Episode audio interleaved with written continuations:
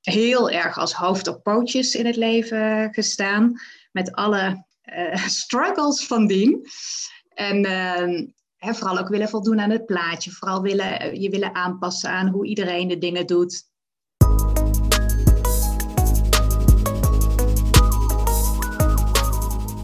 Wat fijn dat je luistert naar deze speciale podcastreeks Hoogsensitiviteit. Een special vanwege de week van de HSP. Hoogsensitieve persoon. Mijn naam is Suzette Lemmers en tevens maker van de podcast Hoogbegaafd en Liefdespijn. In deze speciale reeks neem ik jullie mee in mijn speurtocht naar antwoorden op vragen op het gebied van hoogsensitiviteit in combinatie met hoogbegaafdheid. In deze week van de HSP iedere dag inspirerende interviews met experts op het gebied van HSP en hoogbegaafdheid, met daarin waardevolle inzichten en praktische tips. Welkom Anke. Ik spreek vandaag met uh, Anke van der Vorst van uh, Leiderschap en Levenskunst. Straks gaan we wat dieper in over hoogsensitiviteit en hoogbegaafdheid. En, nou, Anke, welkom bij mijn podcast Hoogbegaafd en Liefdespijn. Dankjewel. Fijn, uh, fijn dat we samen gaan interviewen. Ik ben heel benieuwd naar jouw verhaal. Stel je kort voor en nou, neem ons mee in de weg van hoe je HSP, HB coach bent geworden.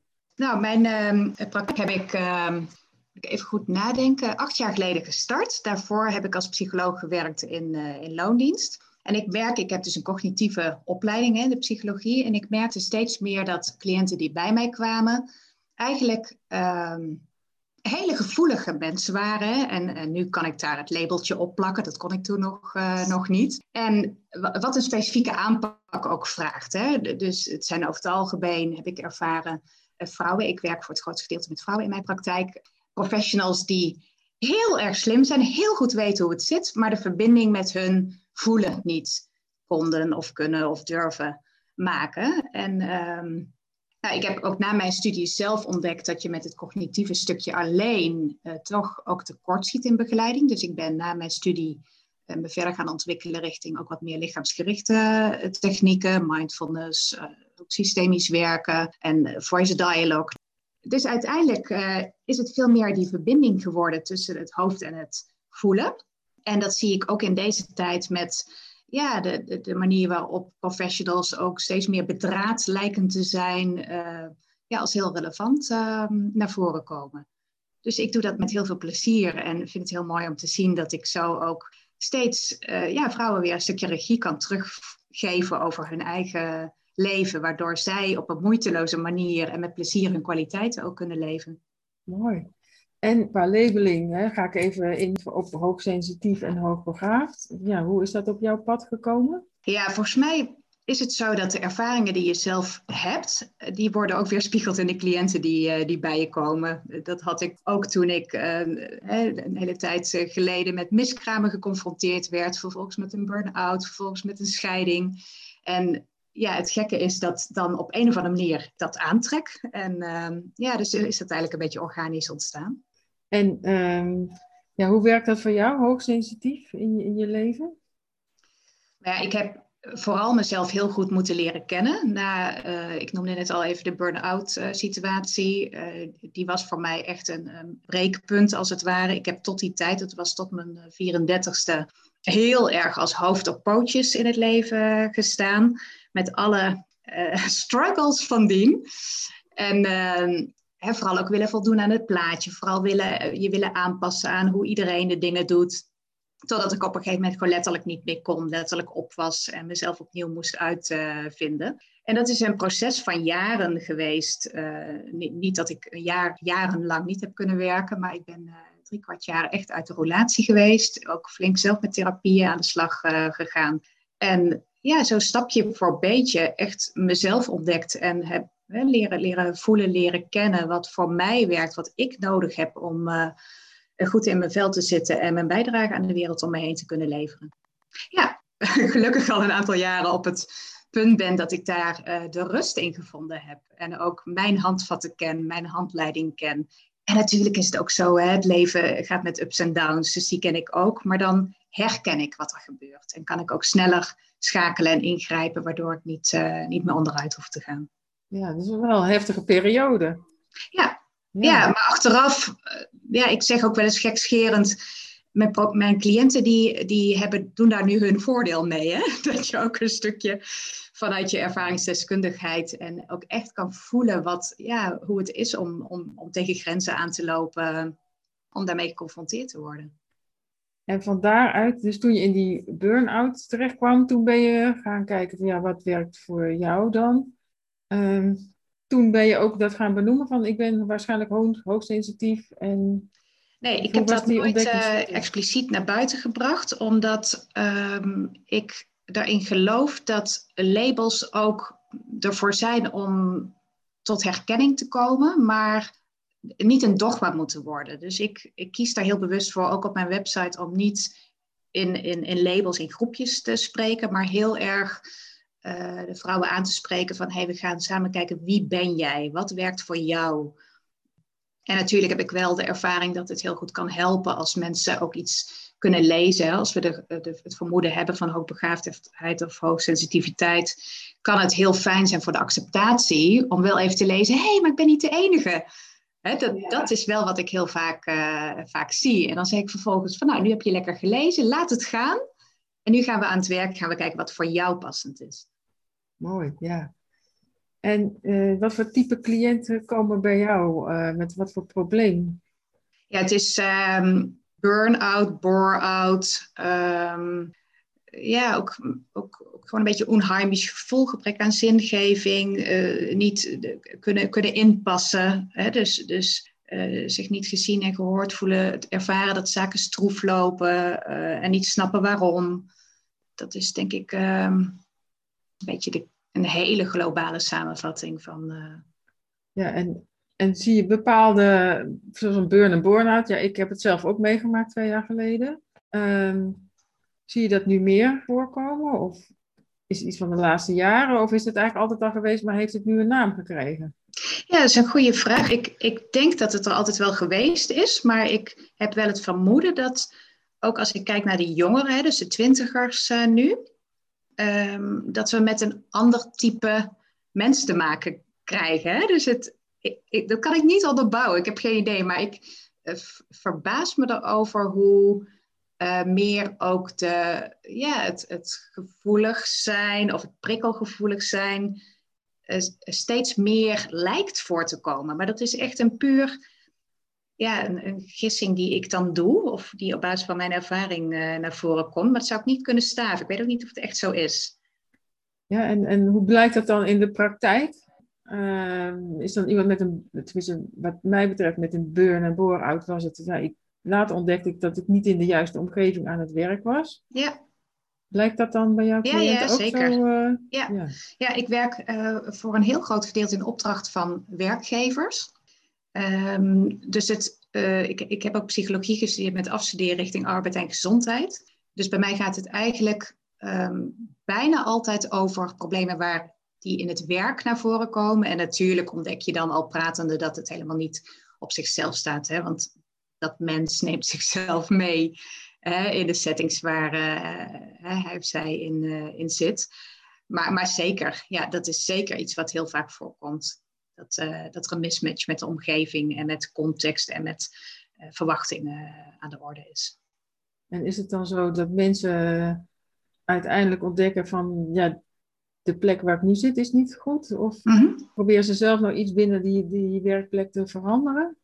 Nou, wat ik vaak wel zie, is dat ze de schuld dan bij zichzelf zoeken. Van het lukt mij niet, hè, dus help mij om mijn weg hier te vinden. Um, waarna we dan ook regelmatig tot de conclusie komen dat die plek iets vraagt wat niet past bij de essentiële randvoorwaarden uh, die passen bij hoe diegene bedraad is. Ja, dus eigenlijk een soort bewustwording van wat heb ik eigenlijk nodig binnen mijn werk? Of hoe kan ik erin floreren? Ja, ja, ja. En, en er is nog uh, bij veel vrouwen zie ik het gedachtegoed van als het niet werkt, dan ligt dat aan mij. Hè? Dus ik gebruik ook vaak de, het beeld van nou, ga je levens van binnen naar buiten leiden in plaats van van buiten naar binnen. Want het is, kijk, de match met een baan is natuurlijk ook een wisselwerking. Jij bent jouw eigen profiel als je het even in termen van een functieprofiel beschrijft. Hè, en, en een baan heeft ook een functieprofiel. Dus als jij daar niet in past, dan zegt dat niks over dat jij niet oké bent, maar dat je niet bevraagd wordt op iets wat aansluit bij wie jij bent. En het is mijn missie om, om zoveel mogelijk vrouwen te helpen om juist zichzelf dat leven te gunnen wat helemaal past bij wie ze zijn en waar ze goed in zijn. Want als we het hebben over jouw doelgroep, de hoogsensitieve, hoogbegaafde ehm, personen, dan zit daar zo ontzettend veel mooie kwaliteit en, en talent, um, maar rendeert het niet altijd even goed, omdat het nog in de hoek van de valkuil zit en de persoon zelf nog niet helemaal de regie kan voeren over hoe dat juist naar voren te brengen.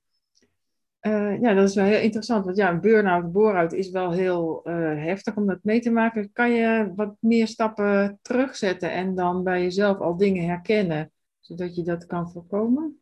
Ja, wat, um, wat misschien leuk is om even te vertellen, een modelletje wat ik vaak gebruik, is een, um, een als je je voorstelt een jampotje wat je met een centimeter zand vult en aanvult met water en je schudt dat, wordt het natuurlijk heel troebel. En dat is hoe voor de meeste mensen het leven uh, ja, in elkaar zit. Hè? We, we, krijgen de hele dag door vragen, opdrachten, verwachtingen. Nou, social media, noem het maar. Hè? Collega's, kinderen misschien, die wat van ons willen. En dan hebben we het nog niet eens over onze eigen verwachtingen. Dus dat is over het algemeen zijn we vol, letterlijk. Dus als je dat potje vergelijkt met uh, onze mind, ons systeem, dan kun je je voorstellen, als je dus continu vol bent, dat je eigenlijk helemaal niet goed kan uh, waarnemen wanneer je uit de bocht vliegt. Dat je alleen maar vanuit, nou, ik moet dit doen, ik ga maar door, dit hoort erbij. Um, en wat er vaak gebeurt als echt een burn-out of een bore-out tot explosie komt, dan zijn er eigenlijk, zou je kunnen zeggen, heel veel signalen al wel geweest die de persoon niet heeft opgemerkt, waardoor er ook geen mogelijkheid was om daar regie op te voeren en verantwoordelijkheid op te pakken. Dus wat ik eigenlijk zeg van ja, wil jij weten en wil je zorg dragen voor hoe jij in elkaar zit, wil jij weten hoe het met je is, dan zul je regelmatig jouw jampotje moeten neerzetten om ook ruimte te scheppen om, om juist die signalen wel te kunnen voelen. En en bij sommige mensen gaat dat dan inderdaad via het voelen. Die voelen van, oh, misschien letterlijk zelfs het spanning in de, in de rug of een hoge ademhaling, uh, zweten. Um, maar kan ook via gedachten zijn, hè? dus steeds meer piekeren of merken in gedrag. Hè? Van, oh, ik ga elke keer maar heel vroeg slapen om het dan toch nog maar net te redden. Of ik scherm me af van mijn sociale omgeving, want ik kan het er even niet bij hebben. Dus het is de kunst ook om bij jezelf te gaan zien van hé, hey, wat zijn nou mijn signalen waaraan ik kan merken dat ik aan het richting uitglijden aan het gaan ben. Dat ik niet in mijn optimale energiestand sta. Um, maar daar zul je dus een manier voor moeten zoeken hoe je die signalen oppikt, zodat je er vervolgens iets mee kan, uh, kan doen. Ja, en dat zou ook een van je blinde vlekken kunnen zijn dan? volgens mij, als je. Ja, mijn. Mijn, mijn ervaring is van: uh, dit heb ik eigenlijk altijd al zo gedaan. En juist door die burn en bore-out. Uh, werd ik me daar juist bewust van, die patronen. Dus het is voor jezelf misschien lastig om te herkennen. En, uh, ja, zou je dan aan je omgeving kunnen vragen? Of hoe, ja, hoe zou je dat kunnen triggeren? Ja, dat kan zeker. Hoewel ik ook de ervaring heb dat de doelgroep waar we het nu over hebben ook niet per definitie dan altijd even open staat voor de feedback van de omgeving. Ja. um, dus het, het, ook in mijn eigen geval, ja, ik was gewoon te eigenwijs. Dus ik heb gewoon het met een hoge prijs moeten, moeten betalen. Maar tegelijkertijd zie ik het ook wel als een hele mooie ervaring, omdat dat mij de gelegenheid heeft gegeven om anders in het leven te gaan staan.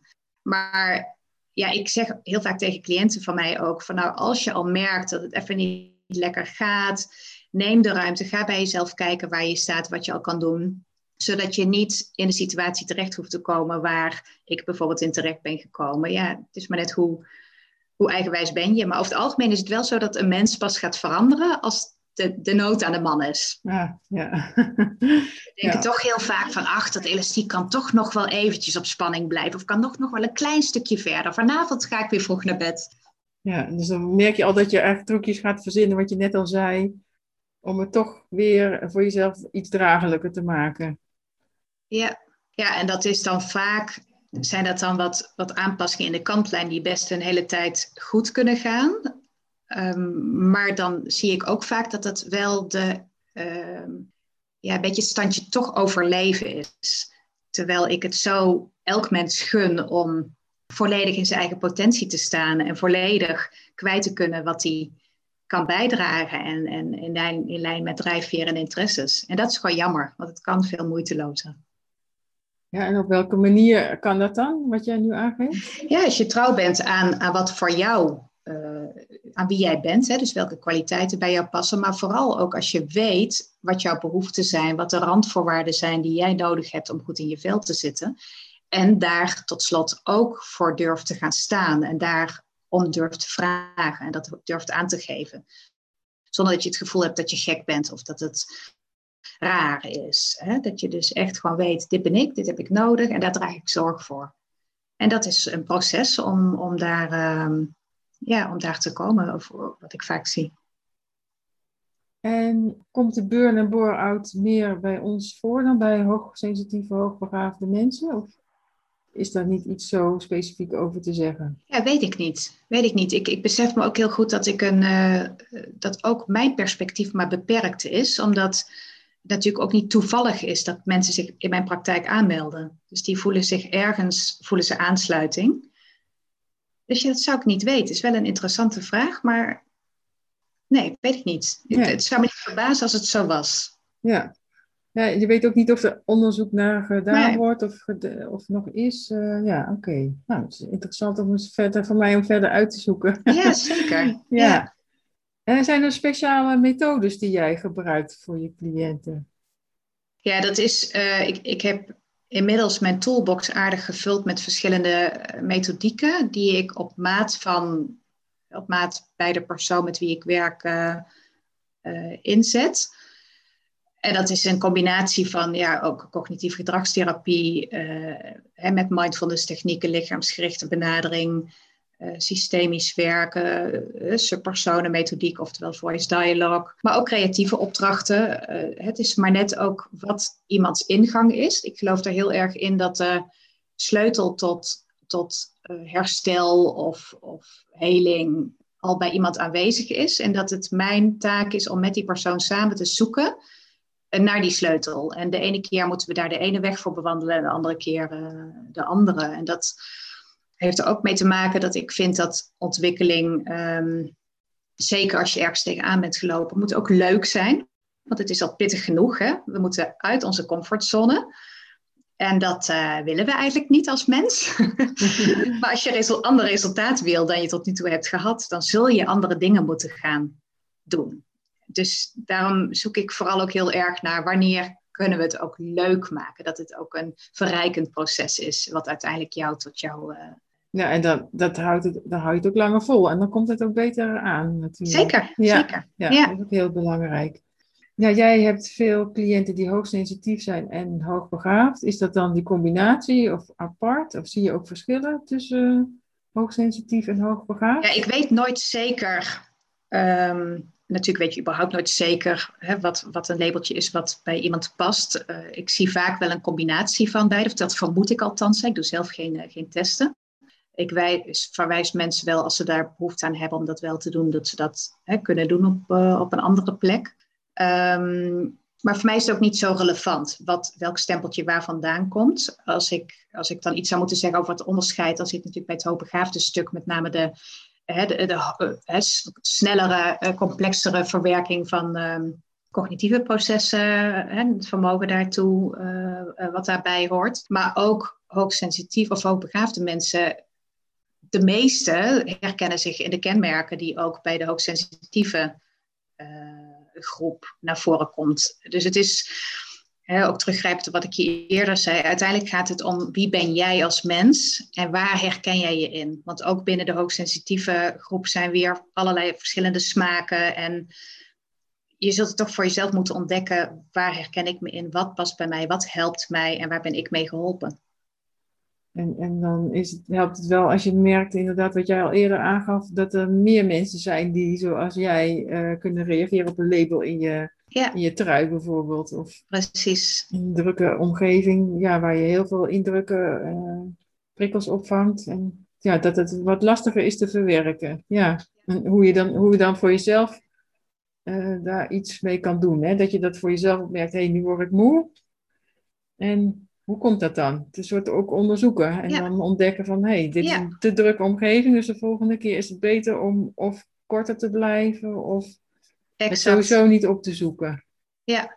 ja, en de lastigheid die daar dan, die ik ook wel vaak terug zie komen, is dat er vaak ook verschillende belangen en behoeften naast elkaar bestaan. Hè? Dus het is enerzijds rust, uh, maar ook juist, uh, juist ook de, de, de aantrekkingskracht tot prikkels kan, kan ook aanwezig zijn. Hè? Dus juist ook ervaringen willen opdoen. Hè? Dat, zit je, dat zit je meer een beetje bij die high sensation seekers. Hè? Uh, dus het is continu balanceren tussen wat, wat heb jij op dit moment nodig en welke keuze maak je daar nu in. Ik weet ook dat ooit iemand in mijn begeleiding ook tegen mij zei van ja, jij wil zoveel meer dan jouw systeem kan verwerken.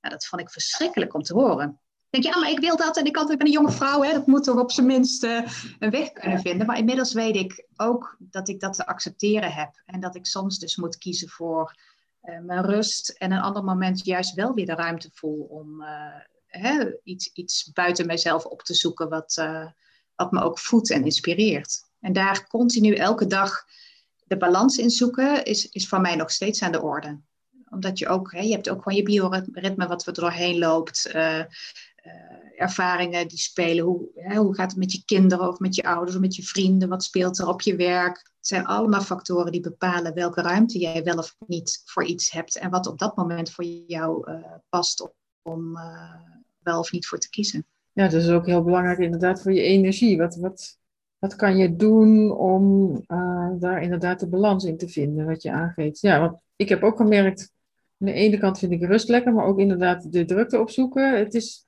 soms zijn het uh, ja, tegengestelde dingen of, of paradox. Hè, van, en het een en het ander inderdaad. Dus, uh, ja. ja. Ja, en het is de kunst, denk ik. Het eh, sleutelwoord is voor mij wel bewustzijn. Bewustzijn van hoe gaat het met je? Hoe gaat het met mij?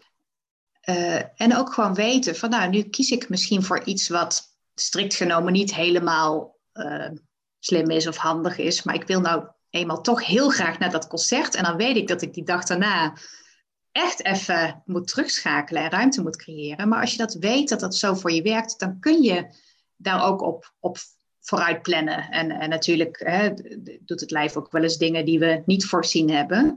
Maar dan heb je in ieder geval wel de regie in handen genomen. En dat aan zich geeft al een goed gevoel. Mooi. Ja, heb je ook bepaalde tips nog voor uh, de hoogsensitieve, hoogbegaafde mens waar, ja, die nu meeluistert? Ja, is misschien wel een abstracte, maar ik zou willen zeggen hoe jij je ook voelt of wie je, waar je jezelf ook in herkent of niet, accepteer dat dat is wie jij bent en dat is helemaal oké. Dus ga niet omdat jij nou eenmaal tot een waarschijnlijk in je omgeving een minderheidsgroep behoort. Hè, en dus, dus meer om je heen zal zien waar jij je niet in herkent dan waarin je je wel herkent. Ga niet aan jezelf twijfelen. Blijf trouw aan jezelf. Ja, en dan heb je het ook wel inderdaad ook over groepsdruk. Hè? Van, dat is nog wel de kunst om dan jezelf te blijven. Ja. Ja. Hoe, ja, hoe doe je dat? Ja, voor mij is dat het proces van zelfregie of persoonlijk leiderschap, uh, waardoor je steeds stevigere grond onder je voeten voelt, steeds meer ook kan zien hoe jouw kwaliteiten um, een positieve bijdrage kunnen leveren. En zodat je kan zien dat je, um, ja, dus dat waarvan jij misschien denkt dat het een, een last is, dat je daar de waarde van gaat inzien. En, en naarmate je dan ook de context kan opzoeken waar, waarin je die waarde kwijt kan, krijg je ook positieve ervaringen, positieve reacties. Dus het komt in die zin ook neer op weten waar jij op je plek bent. Want, want dan zal jouw zelfvertrouwen daar ook uh, een boost van krijgen. Mooi. Uh, heb je iemand die jou inspireert op dit gebied? Nee, eigenlijk niet. Nee. nee. nee. Natuurlijk heb ik ook bij de allergeëikte boeken wel gelezen, maar ja. Ja, eigenlijk, nou misschien is het, is het, heb ik wel een antwoord op je vraag. Dat zijn eigenlijk gewoon mijn cliënten. En, en het steeds zien hoe elk individu weer zijn eigen um, stukje daarin meebrengt. En, en ja, dus dat vind ik, ja, dat is eigenlijk toch wel, nu, nu, nu ik er zo over nadenk, ik geniet ervan en ik word er ook door geïnspireerd om te zien hoe elk mens, als hij trouwens aan zijn eigen weg, ook hele mooie dingen kan doen. En als we dat nou allemaal individueel doen, nou, hoe prachtig ziet de wereld er dan niet uit? Nou, ja, dat is heel mooi. Heel mooi. Ja, ja nu snap ik inderdaad ook jouw missie daarin. Uh, ja. Uh, jij wilde ook speciaal voor de week van de HSP, van de hoogsensitieve persoon, wilde je iets moois weggeven. Ja, ik heb uh, afgelopen jaar een um, online programma ontwikkeld, wat bestaat uit uh, zes modules en een zevende introductiemodule. En dat programma is gericht op, uh, op zelfregie, dus op eigenlijk het proces waar we het net over, over gehad hebben. Ik heb het reis naar regie genoemd. Um, en ik neem dus in dat programma, in die verschillende modules, aan de hand van theorie, animaties, filmpjes, uh, opdrachten, uh, neem ik de vrouwelijke professional. Het is ja, gericht op vrouwen eigenlijk door de tekeningetjes die ik door een illustrator heb laten maken. Dus het heeft wel een bepaalde vrouwelijke feel, look en feel. Vond ik heel leuk. Ik kwam die kunstenaressen tegen en ja, dus toen zijn we dat samen gaan doen. dus ik neem de vrouwen daar stap voor stap in mee in, in hun reis naar regie en naar persoonlijk leiderschap. Waarbij ik uh, tussen, dus eigenlijk elke keer na twee modules ook een individueel contactmoment heb. Dat kan natuurlijk heel makkelijk online. Dat zijn we afgelopen jaar ook allemaal gewend geraakt. Uh, om vragen te beantwoorden, om nog op maat wat richting te geven, hè, zodat het niet alleen een intern proces is, maar daar ook de mogelijkheid is om met mij als, ja, als coach daar, daarover te sparren en nog ja, verder dat te verfijnen. Dus ik wil heel graag jouw luisteraars, um, of één van jouw luisteraars, het programma cadeau geven. Ja, en hoe we dat praktisch gaan doen. Ik zat meer te denken, mensen die interesse hebben, moeten dat maar even aangeven. En dan doe ik de namen in een, um, in een bakje en trek ik er gewoon blind iemand uit. En die zal ik dan benaderen. Nou, spannend, ja. ja. dus snel opgeven en wie weet vind je, vind je zo'n mooi programma. Heerlijk, ja. mooi. Waar kunnen de mensen meer over jou te weten komen? Ik heb een website www.ankervandervorst.nl en daar staat eigenlijk alles in. En natuurlijk uh, zijn mensen ook altijd welkom om, om even een telefoontje uh, in te plannen of me een mail te sturen als ze uh, ja, specifieke vragen hebben of wat willen overleggen. Dankjewel Anke voor dit mooie interview. Heel mooi. Jij ook, dankjewel ja. Suzette. Leuk.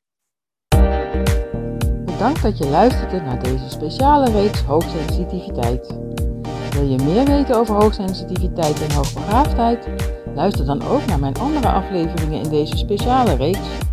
Als je je abonneert op mijn podcast Hoogbegaafd en Liefdespijn, kun je iedere week luisteren naar een nieuwe aflevering over deze boeiende onderwerpen.